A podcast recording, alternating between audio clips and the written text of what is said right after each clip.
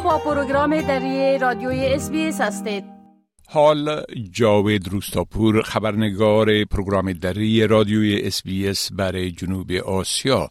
با ما از طریق تلفن به تماس هستند که اونا درباره تازه ترین رویدادها در ارتباط به افغانستان معلومات میتن آقای روستاپور سلام عرض می کنم خب اولتر از همه گفتم میشه که مردم در برابر اظهارات وزیر خارجه طالب با در این مورد که هیچ افغان به دلیل سیاسی از کشور مهاجرت نکرده در جریان حکومت اونا عکس های بسیار شدید نشان دادن. بله؟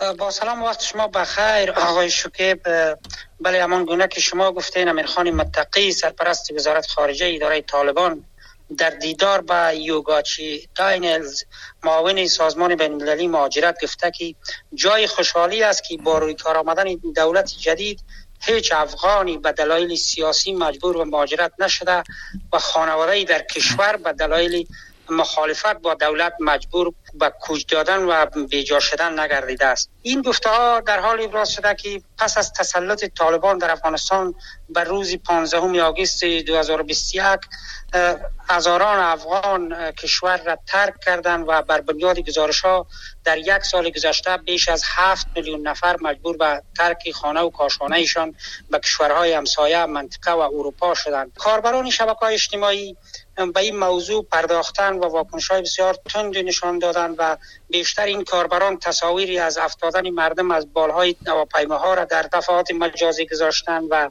گفتن که این وحشت را که پس از تسلط طالبان در افغانستان آفرید و مردم با چی وحشت به بیرون از کشور و میدان هوایی سرازیر شدن تا به بیرون برایند. این سرخطی رسانه های جهانی شد و جهان را تکان داد.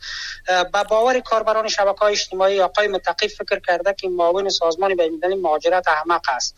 اما به این فکر نکرده که این اظهارات را بیان می‌کرد و او چقدر به حماقت آقای متقی خندیده تعداد دیگه هم گفتن که جهان و جهانیان به ویژه سازمان های بین دارن با شعور مردم افغانستان بازی می‌کنند که با یک گروه تروریستی که به هیچ اصول و قواعد پایبند نیست ارتباط برقرار می‌کنن روی یک میز با سردستا این گروه قهوه می نوشند. درباره کار و تعامل با اونان سخن می‌گویند و پیمان امضا می‌کنند در حالی که مردم افغانستان حسیر و گروگان گروه هستند. آقای متقی در بخش دیگری از صحبتایش با معاون سازمان مهاجرت تاکید کرد که در یک سال اخیر هیچ گونه آسیب بناهای کمک رسان در افغانستان وارد نشده و هیچ مقام طالبان در امور مؤسسات کمک رسانی مداخله نکرده. و بلکه که زمینه کار با آنها فراهم کرده. اما بارها از مداخله سران طالبان در امور کاری نهادهای کمک رسان گزارش شده و ده ها شکایت از خط و نشان کشی سران طالبان برای این نهادها همچنان گزارش شده که در تازه ترین مورد چند روز پیش وزارت امری به معروف طالبا و نهادهای سازمان ملل متحد دستور داد تا کارمندانشان را ملبس به حجاب اسلامی بسازند. در کل اظهاراتی آقای متقی بسیار واکنش برانگیز شد. بله. خب همچنان گفتم میشه که معاون وزیر داخله هم در وقت ارائه گزارش اجرات یک ساله خود بعض اظهارات کدک که شدیدا مورد انتقاد قرار گرفته و مردم منزجر ساخته. بله. بله معاون وزارت داخله اداره طالبان در این نشست خبری گفت که کندک استشادی یا نیروی مهاجم انتحاری از جمله افتخارات این گروه این گروه هست یا امارت اسلامی است. نور جلال جلالی در یک نشست خبری در کابل تاکید کرد هر یک از این نیروهای افتخار و بازوان پرتوان امارت اسلامی هستند. او در مورد شماری این تعداد از نیروهای انتحاری یا مهاجمانشان توضیحاتی نداد و گفت که یک اسرار است که باید نیاز نیست که در این مورد ما آمار را کنیم. این گفته های مقام طالبان با واکنش های بسیار تند با ویژه کاربران شبکه های اجتماعی روبرو شد. کاربران یکی از شبکه یکی از کاربران شبکه های اجتماعی که بیشتر با اسم مستعار می نویسد او گفته که با این انتحار کنندگان جان هزاران انسان بیگناه را گرفتید و هنوز هم دارید افتخار می‌کنید. شمار دیگری از این کاربران نوشتن اطفالی که به گونه های مختلف اطفالی را که به گونه های مختلف اختطاف نموده و مغزشان را شستن از خود به خود ساختن و فعلا در کندک انتحاری تنظیم کردند. ورنه کدام انسان عاقل آن هم مسلمان در این کار را نمی‌کند که خود را بکشد و جان دیگران را بگیرد.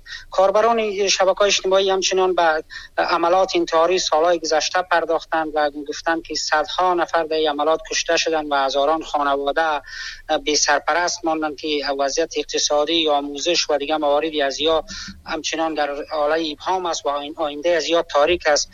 طالبان به جای از اینکه به گفته این کاربران بپردازند به مسئله دولت سازی و موارد مهمی که کشور به اون نیاز داره. اینا هنوزم انتحاری پروری می‌کنن و از کندک های انتحاریشان رونمایی می‌کنن و ایره یکی از افتخارات حکومتشان می‌دانند که یکی سرنوشت مردم چی می‌شد برای از یا هیچ معلوم نیست. و به گفته آنها آینده کشور با چنین گروهی چی می‌شود فقط خدا خودش میدانه و بر مردم افغانستان کمک کنه بله خب گزارش ها میگه که دکتران زن در اعتراض به مامورین امر به معروف و نهی از منکر در ولایت بدخشان اعتراض هایی کردن میشه که در این باره یک مقدار صحبت بکنین؟ دکتران و کارمندان صحی زن در شفاخانه مرکزی ولایت بدخشان در شهر فیضآباد در اعتراض به برخورد ماموران امر به معروف و نهی از منکر طالبان اعتصاب کاری کردن. آنان گفتند که به خاطر چگونگی پوشش تحت پوشش یا لباس تحت فشار دارند تحت فشار قرار دارند و هر روزه ماموران امر به معروف صبح در پشت دروازه ایش فاخانه حاضر هستند و آنها را ساعتات نگاه می‌کنند برخیشان به خانه ها برمیگردونند که اجابتان اسلامی نیست. اما اینا میگن که اجاب ما از گذشته اسلامی بود و هم اسلامی بود.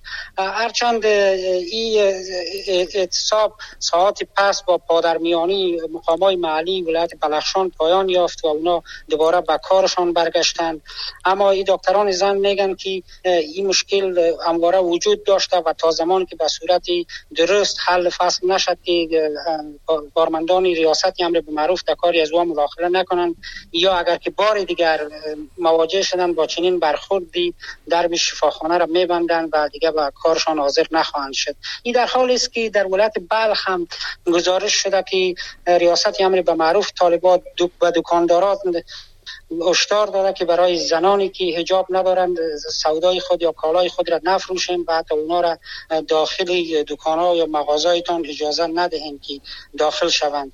این برخورد کارمندان امر به معروف در بسیاری از ولایات به شمول مرکز خبرساز شده و مردم را بخصوص برای خانما در بخشی که کار می‌کنند و در شهر بازار هستند به یک مشکل جدی مواجه شده.